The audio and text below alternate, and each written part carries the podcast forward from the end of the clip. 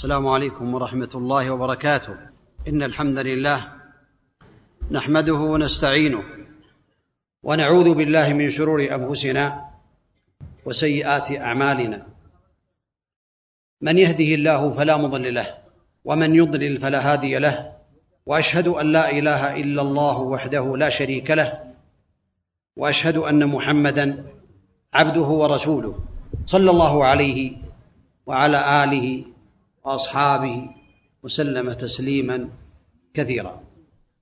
أما بعد أيها الإخوة لا شك أن الله تعالى خلق الجن والإنس لعبادته. الحكمة من خلق الجن والإنس كما يعلم الجميع هي عبادة الله تعالى وحده قوله تعالى وما خلقت الجن والإنس إلا ليعبدون ما أريد منهم من رزق وما أريد أن يطعمون. إن الله هو الرزاق ذو القوة المتين. فإذا قام العبد بهذه الوظيفة وبهذه الحكمة التي من أجلها خلق كان من السعداء في الدنيا والآخرة. وهناك ما يشجعه ويعينه ويرغبه في الاستقامة على هذه العبادة لله تعالى. ومن هذه الأمور التي تعينه أن يعرف الأرباح ويعرف المكاسب والتجارات التي يجنيها من هذه العبادة. وقد سمى الله تبارك وتعالى تجاره كما ستسمعون في الأحاديث والآيات قبل ذلك وأنها بينها الله تعالى حتى يراقب الناس من إحسانه وجوده وكرمه يبين للناس ويراقب الناس في هذه العبادة وفي الاستقامة على طاعة الله تعالى. ولا شك أن الذي يعرف المكاسب لتجارة الدنيا يقدم على التجارة التي فيها مكاسب. فكذلك العبد المؤمن إذا علم بما يحصل له من الربح ومن الفوز ومن النجاح ومن التجارة الرابحة في الدنيا والآخرة بطاعة الله تعالى يقدم على ذلك. والتجارة كما ذكر العلماء في مفهومها التصرف في رأس المال طلبا للربح. وهي في الحقيقة التجارة الرابحة هي ما يوصل إلى رضوان الله تعالى وجنته وكرامته سبحانه وتعالى. هذا هو المفهوم لهذه الكلمة في هذه الليلة. وأما تجار الدنيا فهم الفجار إلا من اتقى وبر وصدق. فقد ثبت عن النبي عليه الصلاة والسلام أنه قال إن التجار هم الفجار. قيل يا رسول الله قد أحل الله البيع. قد أحل الله البيع. قال بلى ولكنهم يحدثون فيكذبون ويحلفون فيأثمون. حديث ثبت عن النبي عليه الصلاة والسلام في مسند الإمام أحمد وثبت عنه عليه الصلاة والسلام أنه خرج يوما إلى السوق عليه الصلاة والسلام في المدينة قيل إلى المصلى وقيل إلى البقيع صلوات الله وسلامه عليه. فقال يا معشر التجار فاستجابوا له ورفعوا أعناقهم وأبصارهم إلى النبي صلوات الله وسلامه عليه. فقال لهم إن التجار يبعثون يوم القيامة فجارا إلا من اتقى الله وبر وصدق وإلا في البقية يبعثون فجارا. لكن من اتقى الله وبر وصدق فإنه يبعث في مفهوم الحديث من التجار الصادقين الذين ربحوا في الدنيا والآخرة. ولهذا ثبت عن النبي عليه الصلاة والسلام أنه قال التاجر الصدوق الأمين مع النبيين والصديقين والشهداء. وفي رواية أخرى التاجر الصدوق الأمين المسلم مع النبيين والصديقين والشهداء كما في الحديث الأول. هذا يدل على أن التاجر الصادق الأمين المسلم يحصل على تجارة في الدنيا والآخرة ويحشر مع الأنبياء والصديقين والشهداء. وهذا حديث ثبت عن النبي عليه الصلاة والسلام. والأحاديث التي تسمعونها إن شاء الله محققة وأنها ثابتة عن النبي عليه الصلاة والسلام. ونعوذ بالله جميعا أن نقول على النبي عليه الصلاة والسلام ما لم يقل فقد قال عليه الصلاة والسلام من كذب علي متعمدا فليتبوأ مقعده من النار. وأما التجار الذين اتصفوا بالصدق والأمانة فقد ربحوا ربحا عظيما وتجارة رابحة وذلك بكونهم يحشرون مع النبيين والصديقين والشهداء يوم القيامة وهذا فضل الله تعالى يؤتيه من يشاء. تاجر في الدنيا صادق بار مسلم ومع ذلك يحشر مع الأنبياء والصديقين والشهداء يوم القيامة. فعلى التجار تجار الدنيا أن يلحظوا هذا وأن ينتبهوا لهذا وأن يعلموا أن التجارة إذا كانت تقربهم إلى الله بالصدق فيها والبر فيها وعدم الكذب وعدم الخيانة فهي تجارة في الدنيا وتجارة في الآخرة كما ثبت عن النبي صلوات الله وسلامه عليه. واعلى التجارات التي بينها الله تعالى في كتابه وبينها للناس عن طريق النبي عليه الصلاه والسلام العمل بالقران وتلاوته واقام الصلاه والانفاق في السر والعلانيه. وقد سمى الله تعالى ذلك تجاره. فقال تعالى إن الذين يتلون كتاب الله وأقاموا الصلاة وأنفقوا مما رزقناهم سرا وعلانية يرجون تجارة لن تبور ليوفيهم أجورهم ويزيدهم من فضله إنه غفور شكور. هؤلاء الذين قاموا بهذه الأعمال يتلون كتاب الله تعالى ويقيمون الصلاة وينفقون مما رزقهم الله تعالى في السر والعلانية يرجون التجارة التي لا تبور. ولا تخيب ولا تكسد عند الله تبارك وتعالى والله تعالى ذو الفضل العظيم. تجار الإيمان والعمل الصالح لا تشغلهم تجارتهم في الدنيا ولا تشغلهم تجارة الدنيا عن هذه التجارة بالإيمان والعمل الصالح. فقد بين الله تعالى ذلك وأن هذا من الأمور العظيمة التي ينبغي للمسلم أن يعنى بها. وقد بينها الله تعالى بعد أن ذكر نور الإيمان ونور القرآن. ذكر سبحانه وتعالى أن هذا النور نور الإيمان ونور القرآن في الغالب تكون في بيوت الله تعالى. في بيوت أذن الله أن ترفع ويذكر فيها اسمه.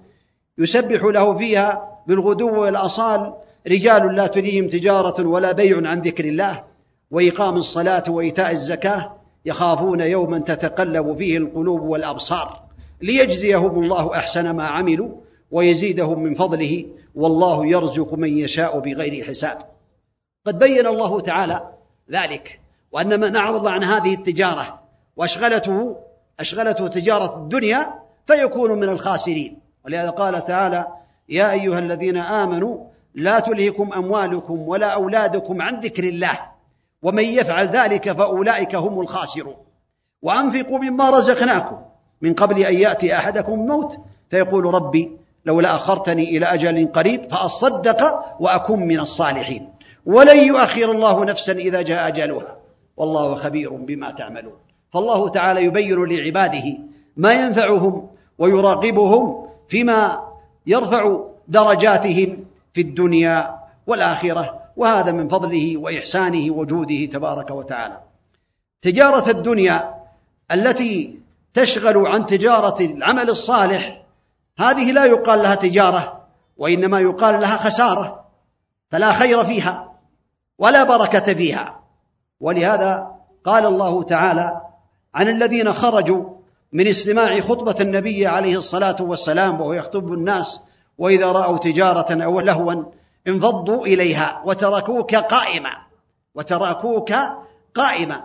فالله تعالى ذم من خرج وترك الخطبة قال قل ما عند الله خير من اللهو ومن التجارة والله خير الرازقين. والتجارة التي تنجي من العذاب الأليم هي بالإيمان بالله تعالى وبرسوله عليه الصلاة والسلام وبإقام الصلاة وإيتاء الزكاة وصوم رمضان والإيمان بالله والملائكة والكتب أركان الإيمان وركن الإحسان وأركان الإسلام هذه التجارة التي بينها الله تعالى لعباده وأثنى على من قام بها. وإن لم تذكر كلها فهي تدخل في الإيمان لأن الإيمان اسم جامع لكل ما يحبه الله تعالى ويرضاه من الأقوال والأعمال الظاهرة والباطنة. ولهذا قال النبي عليه الصلاة والسلام في الحديث الصحيح حينما بين بأن لا شعب الإيمان أعلاها لا إله إلا الله وأدناها إماطة الأذى عن الطريق والحياء شعبة من الإيمان. هذا يدل على أن جميع الأعمال الصالحة تدخل في مسمى الإيمان. ولهذا قال الله تعالى يا أيها الذين آمنوا هل أدلكم على تجارة تنجيكم من عذاب أليم؟ تؤمنون بالله ورسوله وتجاهدون في سبيل الله بأموالكم وأنفسكم. ذلكم خير لكم إن كنتم تعلمون.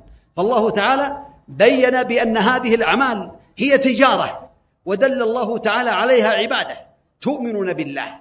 الإيمان بالله هو التصديق الجازم والاعتقاد الجازم أن الله تبارك وتعالى ذو الألوهية والربوبية على خلقه أجمعين فهو المستحق للعبادة والإيمان بالله يشمل أربعة أمور الإيمان بأسمائه وأنه له الأسماء الحسنى والصفات العلى وكما ذكر أهل السنة والجماعة يثبتون لله ما أثبته لنفسه وما أثبته له رسوله عليه الصلاة والسلام من غير تحريف ولا تعطيل ولا تكييف ولا تمثيل والايمان بربوبيته الاعتقاد بأنه مدبر الأمور بيده كل شيء سبحانه وتعالى يخفض ويرفع ويعز ويذل ويدبر الأمور بيده كل شيء هذا هو توحيد الربوبية والاعتقاد الجازم أنه المستحق للعبادة لا إله إلا هو ولا رب سواه.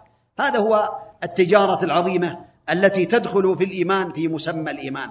ولا شك أن الله تبارك وتعالى قال في آخر الآية قد لا يحصل الإنسان على الجهاد في سبيل الله تعالى فقال وبشر المؤمنين وأطلق وبشر المؤمنين حتى يدخل في هذه البشارة كل من قام بما يحبه الله تعالى ويحبه النبي صلوات الله وسلامه عليه. وبين الله تعالى صفات التجار الرابحين.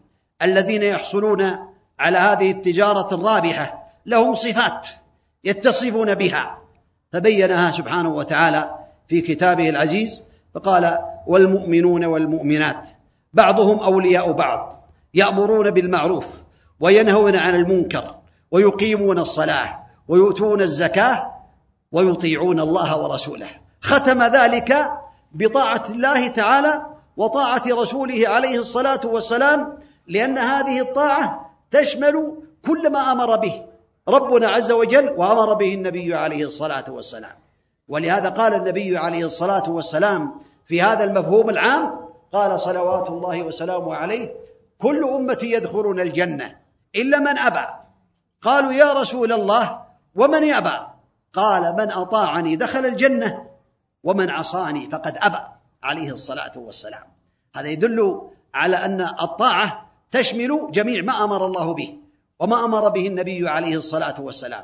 ثم بين الله تعالى أنه سيرحمهم. أولئك سيرحمهم الله. إن الله عزيز حكيم. وعد الله المؤمنين والمؤمنات. جنات تجري من تحتها الأنهار. خالدين فيها. ومساكن طيبة في جنات عدن. ورضوان من الله أكبر. ذلك هو الفوز العظيم.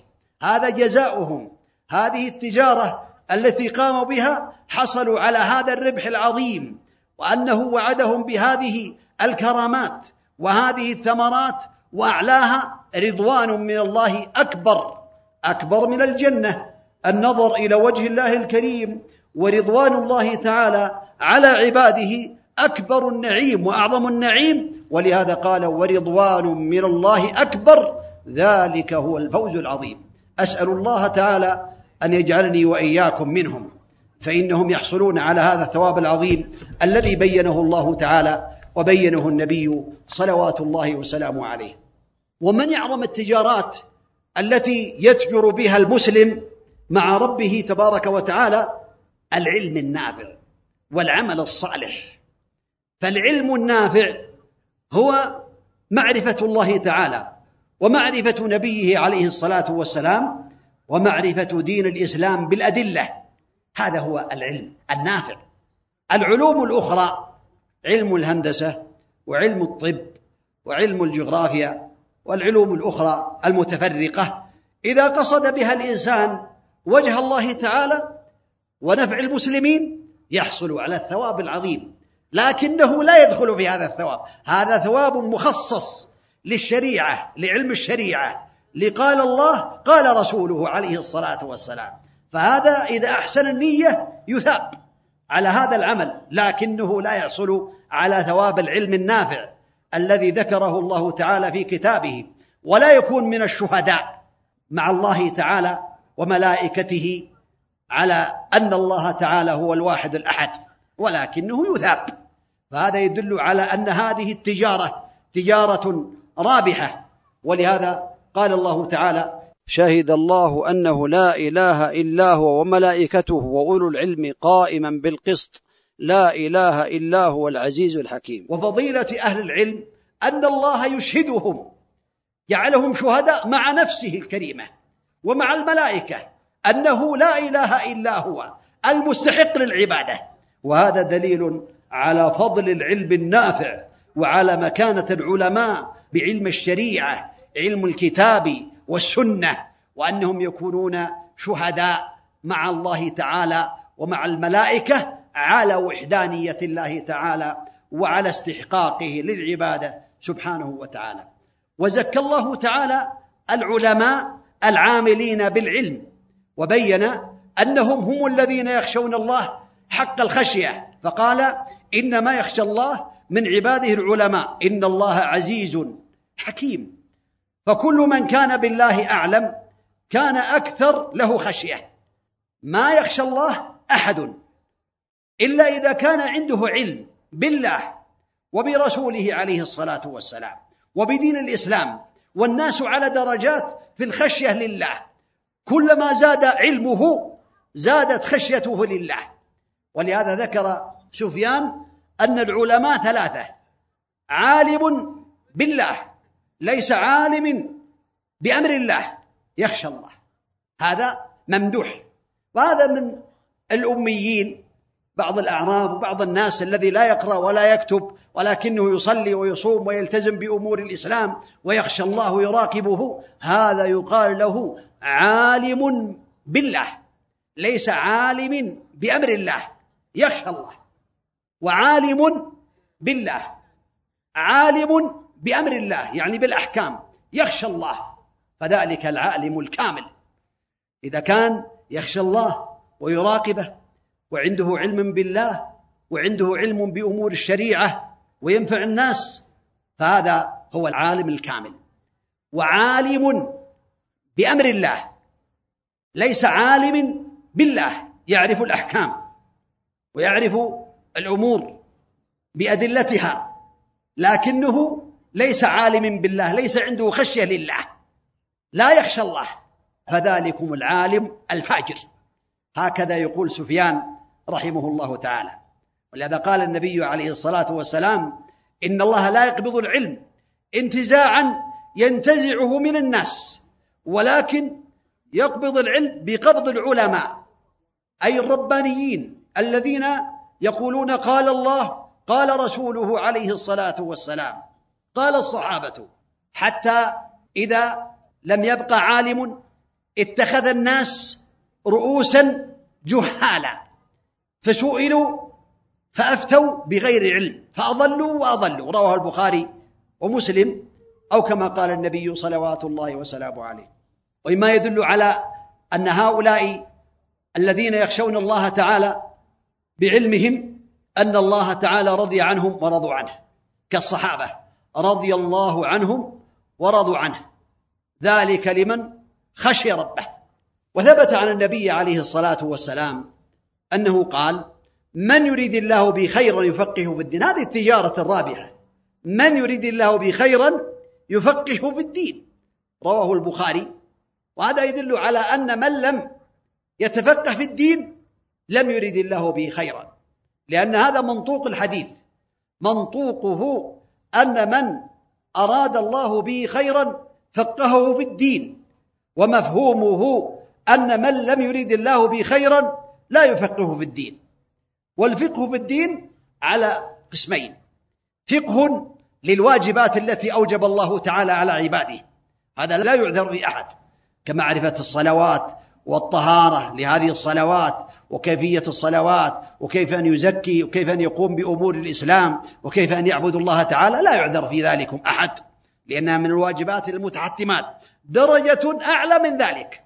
فإذا لم يفقه في دينه ولم يعرف كيف يصلي ولا يتوضأ ولا يغتسل من الجنابة ولا يعرف نواقض الطهارة ولا غير ذلك ولا يعرف الشرك ولا يعرف التوحيد يقع في الشرك وهو لا يشعر. هذا ما أراد الله به خيرا. أما إذا عرف ذلك فالحمد لله. لكن من كان أعلى وكان يعلم الناس الخير والعلم النافع والعمل الصالح وكان قدوة بقوله وعمله ودعوة صامتة للناس فهذا يكون أعظم في الأجر. قد أراد الله تعالى به خيرا وهذا من فضل الله تعالى يؤتيه من يشاء. وثبت عنه عليه الصلاة والسلام أنه بين أنه لا ينبغي لأحد أن يغبط أحدا من الناس على شيء من أمور الدنيا لا على الملك ولا على الجاه ولا التجارة ولا الأموال ولا الأولاد وإنما يغبط من كان قد وفقه الله تعالى للعلم النافع والعمل الصالح. ولهذا قال النبي عليه الصلاة والسلام لا حسد إلا في اثنتين رجل آتاه الله القرآن فهو يقوم به. آناء الليل وأناء النهار. ورجل آتاه الله مالا فهو ينفقه آناء الليل وأناء النهار. وفي الحديث الآخر لا حسد إلا في اثنتين. رجل آتاه الله مالا فسلطه على هلكته في الحق. ورجل آتاه الله الحكمة فهو يقضي بها ويعلمها. لا ينبغي لأحد أن يغبط أحدا على شيء من هذه الأمور. إلا على هذا. وهذه غبطة محمودة حسد محمود. يحب أن يكون له مثله ولا يحب أن يزول هذا الخير عن هذا. فهذه الغبطة المحمودة التي حث عليها النبي عليه الصلاة والسلام. ولهذا قال من سلك طريقا يلتمس فيه علما سهل الله له به طريقا إلى الجنة. وإن الملائكة لتضع أجنحتها لطالب العلم رضا بما يصنع. وإن العالم لا يستغفر له من في السماوات ومن في الأرض حتى الحيتان في الماء حتى الحيتان في الماء يستغفرون له. وإن العلماء ورثة الأنبياء وإن الأنبياء لم يورثوا دينارا ولا درهما وإنما ورثوا العلم فمن أخذه أخذ بحظ وافر. وهذا فيه الترغيب في هذه التجارة العظيمة لكل إنسان أن يتعلم حتى لو كان كبيرا. الصحابة رضي الله عنهم حينما أسلموا بعضهم كان كبيرا. أبو بكر وعمر وغيرهما من الصحابة كانوا كبار في السن حينما أسلموا ولكن أصبحوا أعلاما هداة مهتدين من علماء الإسلام رضي الله عن جميع أصحاب النبي عليه الصلاة والسلام. فالإنسان إذا وفقه الله ودله يستطيع أن يطلب العلم ولو كان في آخر حياته. ولهذا قال من قال اطلب العلم من المهدي إلى اللحد. هذا حديث موضوع مكذوب على النبي عليه الصلاة والسلام لكن معناه صحيح. المعنى صحيح. يطلب العلم من الصغر إلى الموت. وهكذا فيما يقربه إلى الله تعالى ويقربه مما ينفعه في الدار الآخرة. من التجارات العظيمة التي يتجر بها ويتجر بها العبد مع ربه تبارك وتعالى العمل بالكتاب والسنة. هذا من أعظم التجارة. أن يوفقه الله تعالى للعمل بما يحبه الله تعالى ويحبه النبي عليه الصلاة والسلام. ولهذا قال الله تبارك وتعالى عن النبي عليه الصلاة والسلام قل إن كنتم تحبون الله فاتبعوني يحببكم الله ويغفر لكم ذنوبكم والله غفور رحيم. من كان يدعي محبة النبي عليه الصلاة والسلام ويقول بأنه يحب النبي عليه الصلاة والسلام فعليه أن يتبعه صلوات الله وسلامه عليه. ولهذا ذكر العلماء رحمهم الله تعالى أن هذه الآية تسمى آية المحنة امتحانا للعباد لأن كثيرا من الناس يدعي محبة الله الشيعة والرافضة يدعون بأنهم يحبون الله ويحبون النبي عليه الصلاة والسلام.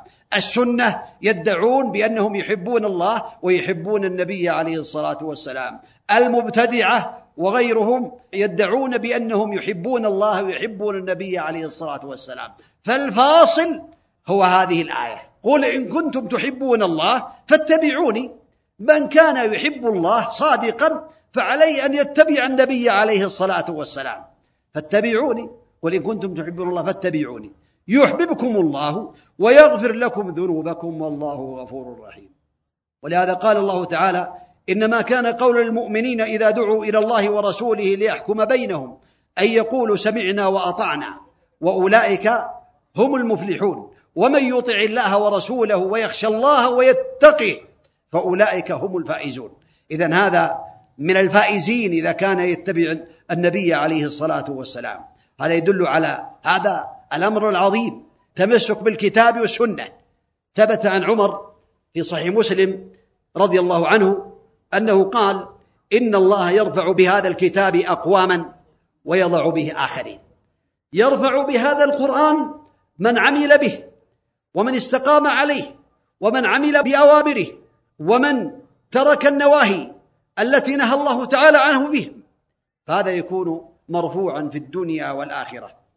فبين النبي عليه الصلاة والسلام ذلك. وثبت في الحديث الثابت أن حامل القرآن العامل به يعطى الملك بيمينه والخلد بشماله ويوضع على رأسه تاج الوقار ويكسى والداه حلتان لا تقوم لهما الدنيا وما فيهما. ولهذا في هذا الحديث الذي رواه الطبراني وهو حديث حسن كما ذكر المحققون من أهل العلم أن النبي عليه الصلاة والسلام قال يجيء القرآن يوم القيامة كالرجل الشاحب يقول لصاحبه هل تعرفني؟ أنا الذي كنت أسهر ليلك وأضمي هواجرك وإن كل تاجر من وراء تجارته وأنا لك اليوم من وراء كل تاجر. فيعطى الملك بيمينه والخلد بشماله ويوضع على رأسه تاج الوقار ويكسى والداه حلتان لا تقوم لهما الدنيا وما فيهما فيقولان يا رب أن لنا هذا. فيقال لهما بتعليم ولدكم القرآن. هذا والله هذا هي التجارة الرابحة. رواه الطبراني وهو حديث حسن. كما ذكر المحققون من أهل العلم. هذا من الأمور العظيمة التي تعين الإنسان وتجعله يعنى بهذا القرآن العظيم الذي من اعتنى به وعمل به كان من الفائزين. وإن لم يقرأه بعض الناس لا يحفظ القرآن لكنه يعمل بالقرآن. والقرآن مجموع في آية واحدة وما أتاكم الرسول فخذوه وما نهاكم عنه فانتهوا واتقوا الله إن الله شديد العقاب. وأعظم التجارات مع الله تعالى التي ترفع بها الدرجات وتقال بها العثرات ويحصل الإنسان على السعادة بها في الدنيا والآخرة تحقيق كلمة لا إله إلا الله بصدق وإخلاص. ولهذا قال النبي صلوات الله وسلامه عليه لرجل قال أوصني يا رسول الله. قال إذا عملت سيئة فأتبعها حسنة تمحها قال قلت يا رسول الله أمن الحسنات لا إله إلا الله؟ فقال هي أفضل الحسنات. فأفضل الحسنات لا إله إلا الله. يكثر الإنسان منها ويعمل بمقتضاها ويعمل بما دلت عليه ويكون من الفائزين في الدنيا والآخرة. ولهذا ثبت أن الإنسان حتى لو ذكر هذه الكلمات في بعض الأوقات يحصل على الثواب العظيم والتجارة الرابحة. ثبت أن النبي عليه الصلاة والسلام قال من قال لا إله إلا الله وحده لا شريك له له الملك وله الحمد وهو على كل شيء قدير. في يوم مئة مرة كانت له عدل العشر رقاب وكتب له مئة حسنة ومحيت عنه مئة سيئة وكانت حرز له من الشيطان حتى يمسي. ولم يأتي أحد بأفضل مما جاء به يوم القيامة إلا رجل عمل أكثر من ذلك. هذا يدل على هذا الفضل العظيم والثواب الكبير الذي بينه النبي صلوات الله وسلامه عليه. ولهذا ثبت أن النبي عليه الصلاة والسلام قال ما من عبد؟ قال لا إله إلا الله. ثم مات على ذلك إلا دخل الجنة. رواه البخاري. هذا يدل على فضل هذه الكلمة. وفي حديث عبادة أن النبي عليه الصلاة والسلام قال من شهد أن لا إله إلا الله وحده لا شريك له وأن محمد عبد الله ورسوله عليه الصلاة والسلام وأن عيسى عبد الله ورسوله وكلمته ألقاها إلى مريم وروح منه وأن الجنة حق والنار حق أدخله الله الجنة على ما كان من العمل. هذا من الفوائد العظيمة والثواب الكبير الذي بينه ربنا تبارك وتعالى. هناك أعمال من التجارة العظيمة. في الطهارة تجارة عظيمة. ثبت عن عثمان رضي الله عنه أنه توضأ ثلاثا ثلاثا كما كان النبي عليه الصلاة والسلام يتوضأ ثم قال إنه سمع النبي عليه الصلاة والسلام يقول من توضأ نحو وضوء هذا ثم صلى ركعتين لا يحدث فيهما نفسه إلا غفر الله له ما تقدم من ذنبه. هذا الحديث رواه البخاري ومسلم يدل على هذه الفضيلة. صلي يتوضأ كما كان النبي عليه الصلاة والسلام يتوضأ ثم يصلي ركعتين. لا يحدث فيهما نفسه فهذا يغفر له ما تقدم من ذنبه. وثبت في حديث عقبة بن عامر رضي الله عنه ما من مسلم يتوضأ فيحسن الوضوء ثم يقوم فيصلي ركعتين مقبل عليهما بقلبه ووجهه إلا وجبت له الجنة. رواه مسلم. الله أكبر. هذا من الفضائل العظيمة ومن التجارات التي يحصل الإنسان عليها. ألا أدلكم على ما يمحو الله به الخطايا ويرفع به الدرجات؟ قالوا بلى يا رسول الله. قال عليه الصلاة والسلام إسباغ الوضوء على المكاره وكثرة الخطى إلى المساجد وانتظار الصلاة بعد الصلاة فذلكم الرباط فذلكم الرباط أو كما قال النبي صلوات الله وسلامه عليه. كذلك هذه الصلوات تجارة مع الله تعالى. ولهذا ثبت عن النبي عليه الصلاة والسلام أنه قال من حافظ عليها كانت له نورا وبرهانا ونجاة يوم القيامة ومن لم يحافظ عليها لم يكن له نور ولا برهان ولا نجاة يوم القيامة. وحشر مع فرعون وهامان وقارون وأبي بن خلف رواه الإمام أحمد وهو حديث جيد. ذكر العلماء منهم ابن القيم رحمه الله تعالى أن هذا الذي تهاون بالصلاة إن تركها أو تهاون بها من أجل ملكه حشر مع فرعون. وإن كان التقصير في الصلاة حصل من أجل وزارته حشر مع هامان وزير فرعون. وإن كان التهاون بالصلاة والتقصير فيها حصل بسبب الأموال الطائرة فإنه يحشر مع قارون الذي خسف الله به وبداره الأرض. وإن كان الذي جعله يتأخر عن هذه الصلاة ويتهاون بها التجارات والمعاملات بينه وبين الناس فإنه يحشر مع تاجر أهل مكة أبي بن خلف كما بين النبي عليه الصلاة والسلام. وثبت عنه عليه الصلاة والسلام أنه قال وهذا ينطبق على الفرائض وعلى النوافل قال عليك بكثرة السجود فإنك لا تسجد لله سجدة إلا رفعك الله بها درجة وحط عنك بها خطيئة. هذا يدل على عظم كثرة السجود. فالإنسان الذي يحافظ على النوافل وعلى الفرائض يكثر من السجود في هذه الفرائض والنوافل فيحصل على هذا الثواب العظيم الذي بينه النبي صلوات الله وسلامه عليه. وبين النبي عليه الصلاة والسلام أن هناك ضيافة تعد لمن ذهب إلى المسجد في الغداة أو في المساء ضيافة على الذهاب وضيافة على الإياب. ولهذا قال النبي عليه الصلاة والسلام في إعداد الضيافة لهذا قال من غدا إلى المسجد أو راح أعد الله له في الجنة نزلا.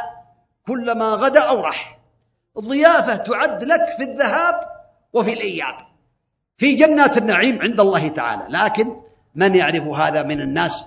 ومن يرغب في هذا الخير من الناس؟ كثير من الناس لا يحافظون على صلوات الجماعة مع جماعة المسلمين وهي فريضة على الرجال العقلاء القادرين الذين يسمعون النداء يصلون مع جماعة المسلمين. كذلك من هذه التجارات التي قصر فيها كثير من الناس وحرموا هذا الخير حرموا هذا الخير كثير من الناس محروم. لو كانت هناك مبالغ تجارية مبالغ أموال تدفع على هذه الأعمال لقام بها من أجل أن يحصل على هذه الأعمال. مثال ذلك كلمات الأذان. فإن النبي عليه الصلاة والسلام قال المؤذنون أطول اعناقا يوم القيامة. رواه مسلم. أطول أعناق الناس يوم القيامة هم المؤذنون الذين يؤذنون لله يرجون ثواب الله تعالى. ولهذا اختلف العلماء هل الأفضل الامام أو المؤذن منهم من قال الإمام أفضل لأنها وظيفة النبي عليه الصلاة والسلام ومنهم من قال المؤذن أفضل إلا في النبي عليه الصلاة والسلام وفي الصحابة الخلفاء لأن المؤذن بين النبي عليه الصلاة والسلام فضائله الكثيرة ومن هذا قال النبي عليه الصلاة والسلام لو يعلم الناس ما في النداء والصف الأول ثم لم يجدوا إلا أن يستهيموا عليه لاستهموا. ولو يعلمون ما في التهجير لاستبقوا إليه. التهجير هو التبكير إلى الصلاة. يبكر يذهب إلى الصلاة مبكر. ولو يعلمون ما في العتمة أي صلاة العشاء والصبح لأتوهما ولو حبوا متفق على صحته. هذا يدل على أن هذه الأعمال من الأمور التي تقرب العبد إلى الله تعالى. ولهذا قال إن الله وملائكته يصلون على الصف المقدم والمؤذن يغفر له بمد صوته ويصدقه من سمعه ويكون له مثل أجر من صلى معه. الله أكبر. يؤذن جميع من يصلي معه له مثل أجره. هذا من فضل الله تعالى عليه. ثبت أن النبي عليه الصلاة والسلام قال من أذن اثنتي عشرة سنة وجبت له الجنة وكتب له بكل أذان ستون حسنة وبكل إقامة ثلاثون حسنة. رواه ابن ماجه والحاكم وهو حديث ثابت عن النبي صلوات الله وسلامه عليه. هذه الفضائل وهذه التجارات تعين الإنسان على هذا الخير. كذلك كثير من الناس محروم من الخير أي من النوافل العظيمة التي عليها الدرجات. العظيمة ومن ذلكم متابعة المؤذن. فقد ثبت أن النبي عليه الصلاة والسلام قال إذا قال المؤذن الله أكبر الله أكبر. فقال أحدكم الله أكبر الله أكبر.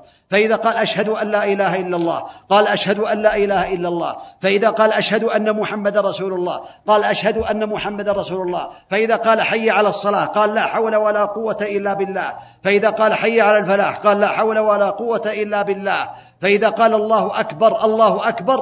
قال الله أكبر الله أكبر. فإذا قال لا إله إلا الله قال لا إله إلا الله من قلبه دخل الجنة. رواه مسلم. سبحان الله كثير من الناس حينما يسمع المؤذن والنداء لا يتابع المؤذن. هذا حرمان حرمان عظيم يحرم هذا الخير. لا نقول بأنه يأثم ويكون من المجرمين لا.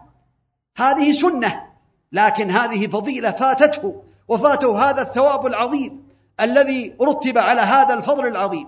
وثبت عنه عليه الصلاة والسلام أنه قال من قال حين يسمع المؤذن وأنا أشهد أن لا إله إلا الله وحده لا شريك له وأن محمدا عبده ورسوله رضيت بالله ربا وبمحمد رسولا وبالإسلام دينا غفر له ذنبه.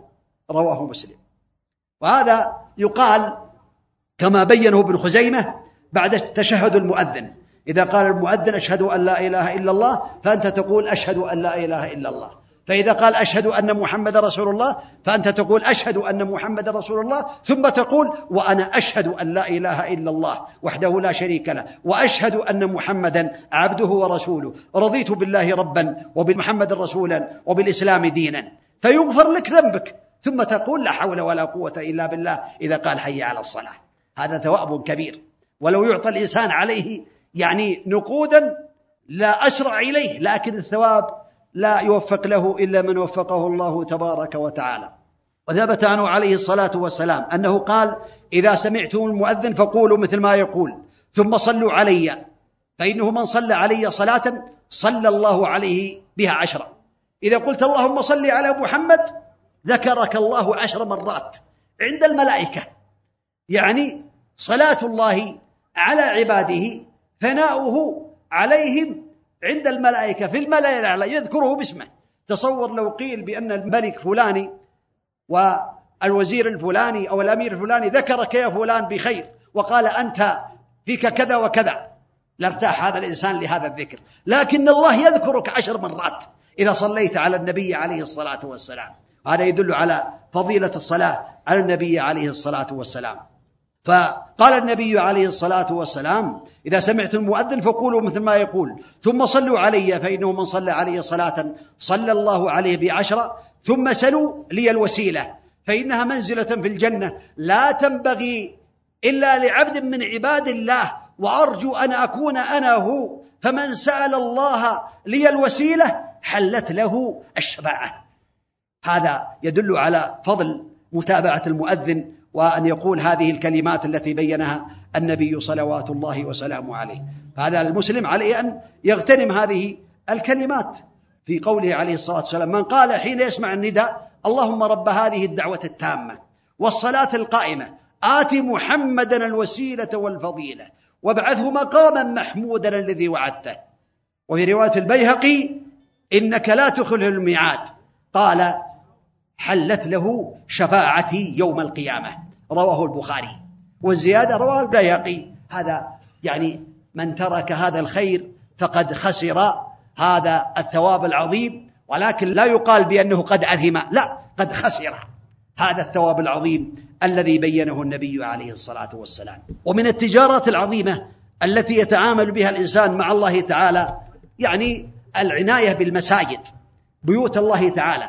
ولهذا ثبت عن النبي عليه الصلاة والسلام أنه قال أحب البلاد إلى الله مساجدها وأبغض البلاد إلى الله أسواقها. رواه مسلم. أحب البلاد والبقاع إلى الله المساجد وأبغض البقاع إلى الله الأسواق. لا يقال بأنه يحرم البيع في الأسواق لا بس ولكنها يعني هي أبغض البقاع إلى الله لما يحصل فيها من الكذب والزور والتدليس والخيانة والتبرج وغير ذلك من الأمور التي نهى النبي عليه الصلاة والسلام ولهذا تكون أبغض البقاع إلى الله تعالى. ثبت عنه عليه الصلاة والسلام أنه قال من صلى صلاة في مسجدي هذا أفضل من ألف صلاة. أي مسجد المدينة مسجد النبي عليه الصلاة والسلام. وصلاة في المسجد الحرام أفضل من مائه ألف صلاة مما سواه من المساجد. وهذا يدل على فضيلة هذه الصلوات.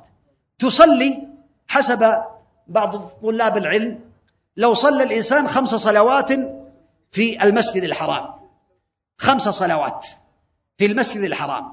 تكون بخمسمائة ألف يوم وقسمها فخرج أكثر من مئتين وثمانين سنة. يصلي خمس صلوات تكون أفضل من الصلاة مئتين وثمانين سنة. هذا فضل عظيم وثواب كبير. تجارة رابحة. لمن وفقه الله تعالى لهذا العمل الذي بينه النبي عليه الصلاة والسلام. ولهذا قال الله تعالى في هذه المساجد إنما يعمر مساجد الله من آمن بالله واليوم الآخر وأقام الصلاة وآتى الزكاة ولم يخش إلا الله. ثم قال فعسى أولئك أن يكونوا من المهتدين. هذا يعني يدل على عمارة المساجد. بعمارة المعنوية بالصلوات والحسية ببنائها هذا يدل على فضلها. وثبت عن النبي عليه الصلاة والسلام أنه قال من بنى مسجدا لله يبتغي به وجه الله بنى الله له بيتا في الجنة. وقال من بنى لله مسجدا صغيرا أو كبيرا بنى الله له بيتا في الجنة. رواه الترمذي. وثبت أنه قال من بنى لله مسجدا ولو قدر مفحص قطاه بنى الله له بيتا في الجنة. رواه الطبراني. هذا يدل على فضيلة هذه الأعمال والتجارة مع الله تعالى في هذه الأعمال. صلاة الجماعة من أعظم التجارات التي يتجر بها العبد مع الله تعالى. ولهذا قال النبي عليه الصلاة والسلام من صلى أربعين يوما في جماعة يدرك التكبيرة الأولى كتب له براءتان براءة من النار وبراءة من النفاق. حديث ثبت عن النبي صلوات الله وسلامه عليه. وهذا من فضل الله تعالى. قال من صلى العشاء في جماعة فكأنما صلى نصف الليل ومن صلى الفجر في جماعة فكأنما صلى الليل كله من صلى الفجر فهو في ذمة الله تعالى. هذا يدل على فضل الله تعالى على عباده. ولا يزال العبد في صلاة ما انتظر الصلاة. كثير من الناس يستعجل في الصلاة. فالنبي عليه الصلاة والسلام يقول لا يزال العبد في صلاة ما انتظر الصلاة. تصلي عليه الملائكة تقول اللهم اغفر له اللهم ارحمه. وفي رواية مسلم ولا يزال العبد في صلاة إذا انتظر في مصلاه ما لم يحدث ما لم يؤذي تقول الملائكة اللهم اغفر له اللهم ارحمه اللهم تب عليه. هذه تجارات عظيمة مع ربنا تبارك وتعالى. وثبت أن النبي عليه الصلاة والسلام بين صلوات الله وسلامه عليه أن من التجارة الرابحة كثرة السجود كما سمعتم. قال فأعني على نفسك بكثرة السجود. ربيعة رضي الله عنه كان يخدم النبي عليه الصلاة والسلام ويأتي إليه بوضوءه في بعض الأحيان. فالنبي عليه الصلاة والسلام أراد أن يحسن إليه فقال يا ربيعة سل اطلبني ماذا تريد؟ ففكر فعلم بأن الدنيا زائلة. لا خير فيها إلا بطاعة الله. فقال يا رسول الله أسألك مرافقتك في الجنة. فقال أو غير ذاك؟ قال هو ذاك. قال فأعني على نفسك بكثرة السجود. لأن هذا كثرة السجود هذا تدل على أن العبد يقترب ويؤهل أن يكون مع النبي صلوات الله وسلامه عليه في جنات النعيم. ولهذا قال النبي عليه الصلاة والسلام في الحديث القدسي من عادى لي وليا فقد آذنته بالحرب وما تقرب إلي عبدي بشيء أحب إلي مما افترضته عليه ولا يزال عبدي يتقرب إلي بالنوافل حتى أحبه فإذا أحببته كنت سمعه الذي يسمع به وبصره الذي يبصر به ويده التي يبطش بها ورجله التي يمشي بها وإن سألني لأعطينه وإن استعاذني لأعيدنه وما ترددت في شيء أنا فاعله ترددي في قبض نفس المؤمن. يكره الموت وأنا أكره مساءته. في رواية ولا بد له منه. وهذه من التجارات العظيمة التي ينبغي للمسلم أن يعنى بها حتى يستفيد من هذا الخير العظيم الذي بينه النبي عليه الصلاة والسلام. والرواتب هذه التي يقوم بها الناس أو يتركها كثير من الناس لها فضائل عظيمة. ركعة الفجر خير من الدنيا وما فيها كما قال النبي عليه الصلاة والسلام. رواه مسلم. من صلى لله اثنتي عشرة ركعة بنى الله له بيتا في الجنة رواه مسلم. فسرها الترمذي قال أربع قبل الظهر وركعتان بعدها وركعتان بعد المغرب وركعتان بعد العشاء وركعتان قبل الفجر. اثنتا عشرة ركعة من حافظ عليها بنى الله له بيتا في الجنة. هذا من فضل الله تعالى. كذلك هناك بعض النوافل تحصل بها التجارة العظيمة وإن لم تكن من الرواتب. قال النبي عليه الصلاة والسلام من حافظ على أربع ركعات قبل الظهر وأربع بعدها حرمه الله على النار. وقال عليه الصلاة والسلام رحم الله امرأ صلى قبل العصر أربعة. هذا من فضل الله تعالى على عباده. صلاة الليل هذه من أعظم التجارات مع رب العالمين. ولهذا قال النبي عليه الصلاة والسلام ينزل ربنا حين يبقى ثلث الليل الآخر فيقول من يدعوني فأستجيب له من يسألني فأعطيه من يستغفرني فأغفر له حتى ينفجر الفجر. وهذا الحديث رواه البخاري ومسلم. هذا من فضل الله تعالى على عباده. يا أيها الناس يقول النبي عليه الصلاة والسلام أفشوا السلام وأطعموا الطعام وصلوا الأرحام وصلوا بالليل والناس نيام تدخلوا الجنة بسلام. هذا من فضل الله تعالى على عباده. كذلك من هذه الفضائل ومن هذه التجارات أن الله تعالى أعد لأهل قيام الليل الغرف العاليات.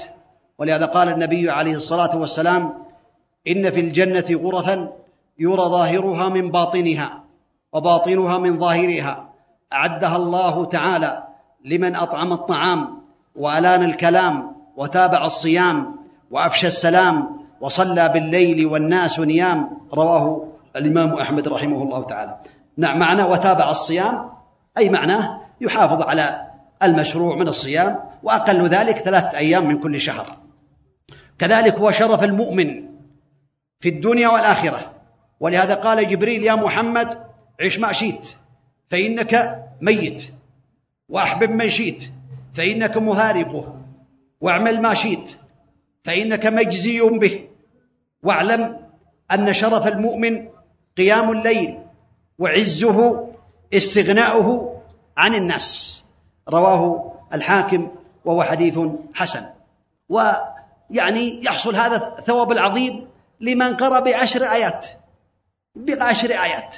ولهذا ثبت أن النبي عليه الصلاة والسلام قال من قام بعشر آيات لم يكتب من الغافلين ومن قام بمئة آية كتب من القانتين ومن قام بألف آية كتب من المقنطرين الذين يكتب لهم أو تكتب لهم القناطير من الأجر والثواب عند الله تعالى. وقد يحصل الإنسان على صلاة الليل وهو لم يصلي إذا كانت نيته صالحة. ولهذا قال ما من امرئ تكون له صلاة بليل يغلبها عليها نوم إلا كتب له أجر صلاته وكان نومه عليه صدقة أو كما قال النبي عليه الصلاة والسلام. وهكذا الصدقات التي يتقرب العبد بها لله تعالى.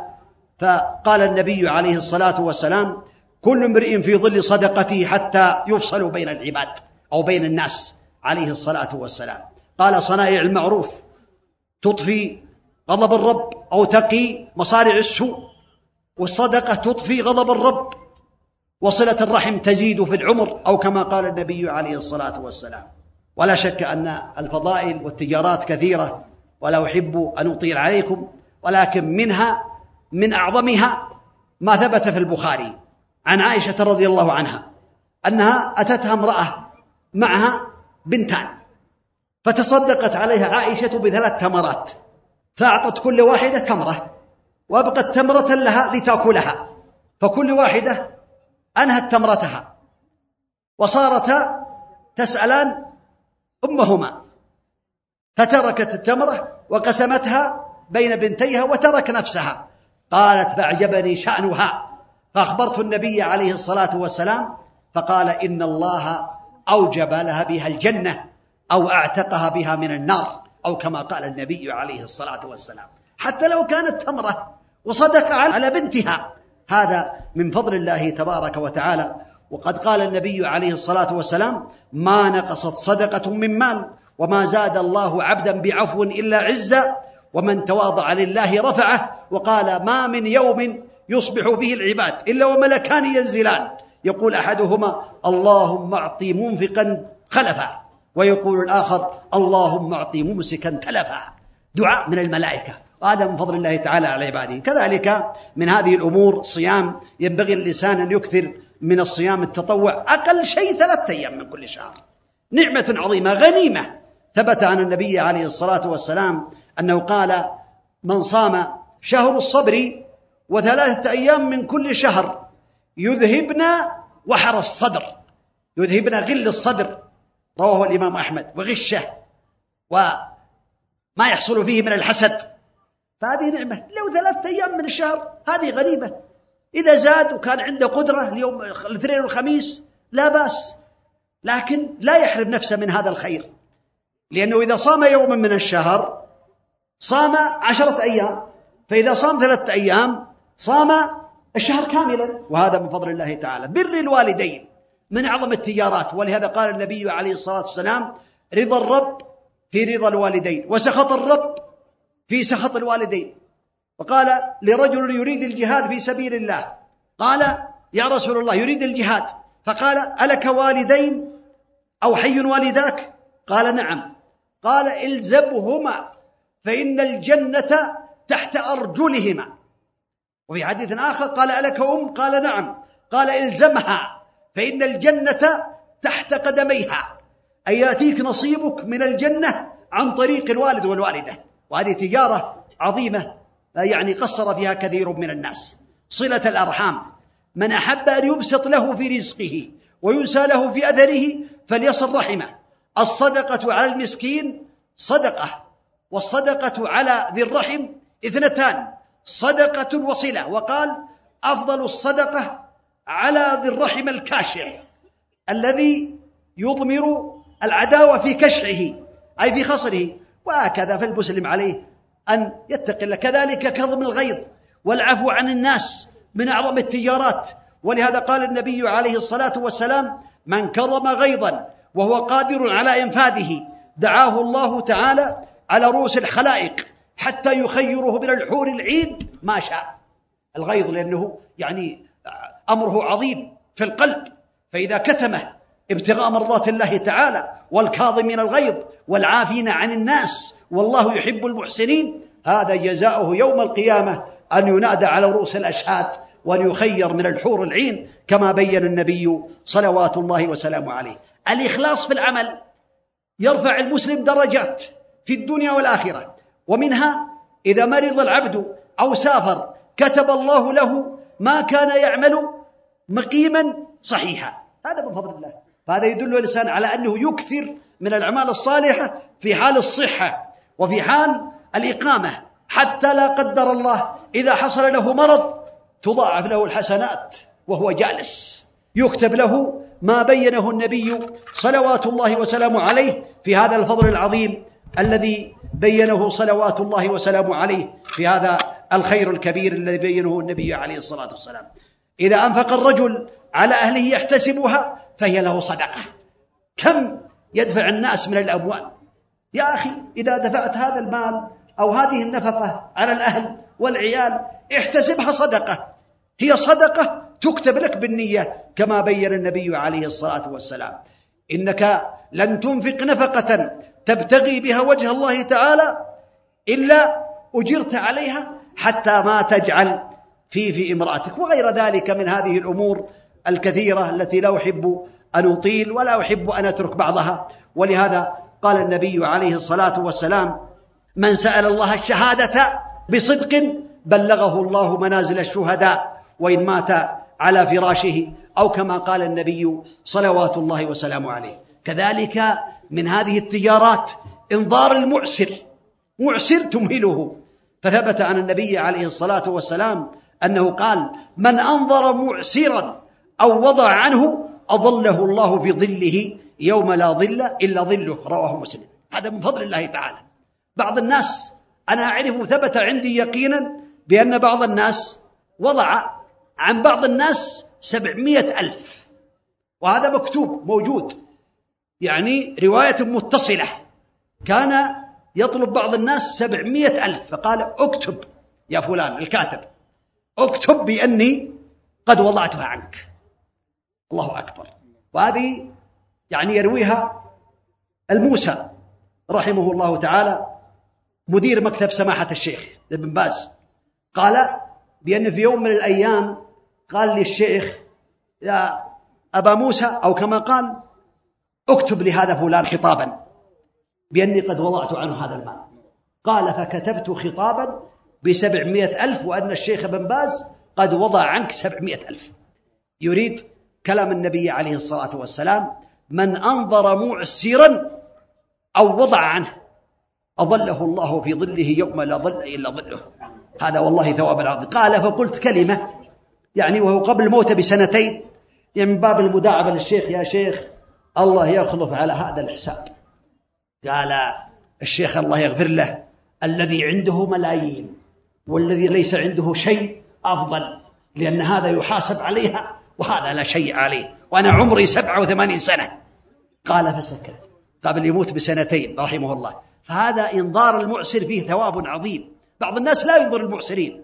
كذلك السماحة في البيع والشراء. ثبت في البخاري رحم الله رجلا سمحا إذا باع وإذا اشترى وإذا اقتضى. بل ثبت أن الله يحبه. إن الله يحب سمح البيع سمح الشراء. سمح القضاء رواه الترمذي وهو حديث حسن. هذا من فضائل الله على عباده. بل ثبت في البخاري أن النبي عليه الصلاة والسلام بين أن تاجرا كان يداين الناس ويقول لفتيانه أنظروا المعسرين تجاوزوا عنه للمعسر لعل الله أن يتجاوز عنا. قال النبي عليه الصلاة والسلام فتجاوز الله عنه. رواه البخاري. هذا كذلك الغيبة والنميمة ذنب عظيم من كبائر الذنوب. إذا رددتها عن أخيك المسلم أنقذك الله من النار. ثبت عن النبي عليه الصلاة والسلام أنه قال من ذب عن لحم أخيه بالغيبة كان حقا على الله أن يعتقه من النار. رواه أحمد وهو حديث صحيح. الله أكبر. بل قال في الحديث الآخر من رد عن عرض أخيه رد الله عن وجهه النار يوم القيامة رواه الإمام أحمد. والله يا أخوان هذه تجارة عظيمة مع الله ويحصل الإنسان بها على الفوز العظيم والثواب الكبير. وأعظم هذه التجارات مع الله. وأعظم هذه التجارات قراءة القرآن. من قرأ حرفا من كتاب الله فله به حسنة والحسنة بعشر أمثالها. لا أقول ألف لام ميم حرف ولكن ألف حرف ولام حرف وميم حرف. هذا من ثواب الله. كذلك ذكر الله يعني لا حول ولا قوة إلا بالله. كنز من كنوز الجنة. كان أبو موسى يمشي قريبا من النبي عليه الصلاة والسلام ويقول في نفسه لا حول ولا قوة إلا بالله. لا حول ولا في نفسه. فالنبي عليه الصلاة والسلام قال يا عبد الله بن قيس الا ادلك على كنز من كنوز الجنة؟ هذا يدل على أن الله أوحى إليه. قال بلى يا رسول الله. قال لا حول ولا قوة إلا بالله. كنز من كنوز الجنة. الباقيات الصالحات سبحان الله والحمد لله ولا إله إلا الله. والله أكبر. ولا حول ولا قوة إلا بالله. كان النبي عليه الصلاة والسلام يقول لا نقول سبحان الله والحمد لله ولا إله إلا الله والله أكبر. أحب إلي مما طلعت عليه الشمس. وقال من قال سبحان الله وبحمده في يوم مئة مرة حطت خطاياه وإن كانت من زبد البحر. رواه مسلم. بل ثبت عنه عليه الصلاة والسلام أنه قال أيعجز أحدكم أن يكسب كل يوم ألف حسنة؟ قالوا وكيف يكسب ألف حسنة؟ قال يسبح مئة تسبيحة فيكتب له ألف حسنة أو يحط عنه ألف خطيئة أو كما قال النبي عليه الصلاة والسلام. والحديث في هذه الأحاديث لا يمل لأنه من كلام الله. ومن كلام النبي عليه الصلاة والسلام. لكني أسأل الله تعالى بأسماء الحسنى وصفات العلى أن يجعلني وإياكم ممن يستمعون القول فيتبعون أحسنه. إنه ولي ذلك والقادر عليه. وأسأل الله تبارك وتعالى لي ولكم التوفيق والتسديد والإعانة. وصلى الله وسلم وبارك على نبينا محمد وعلى آله وأصحابه أجمعين. وجزاكم الله خيرا.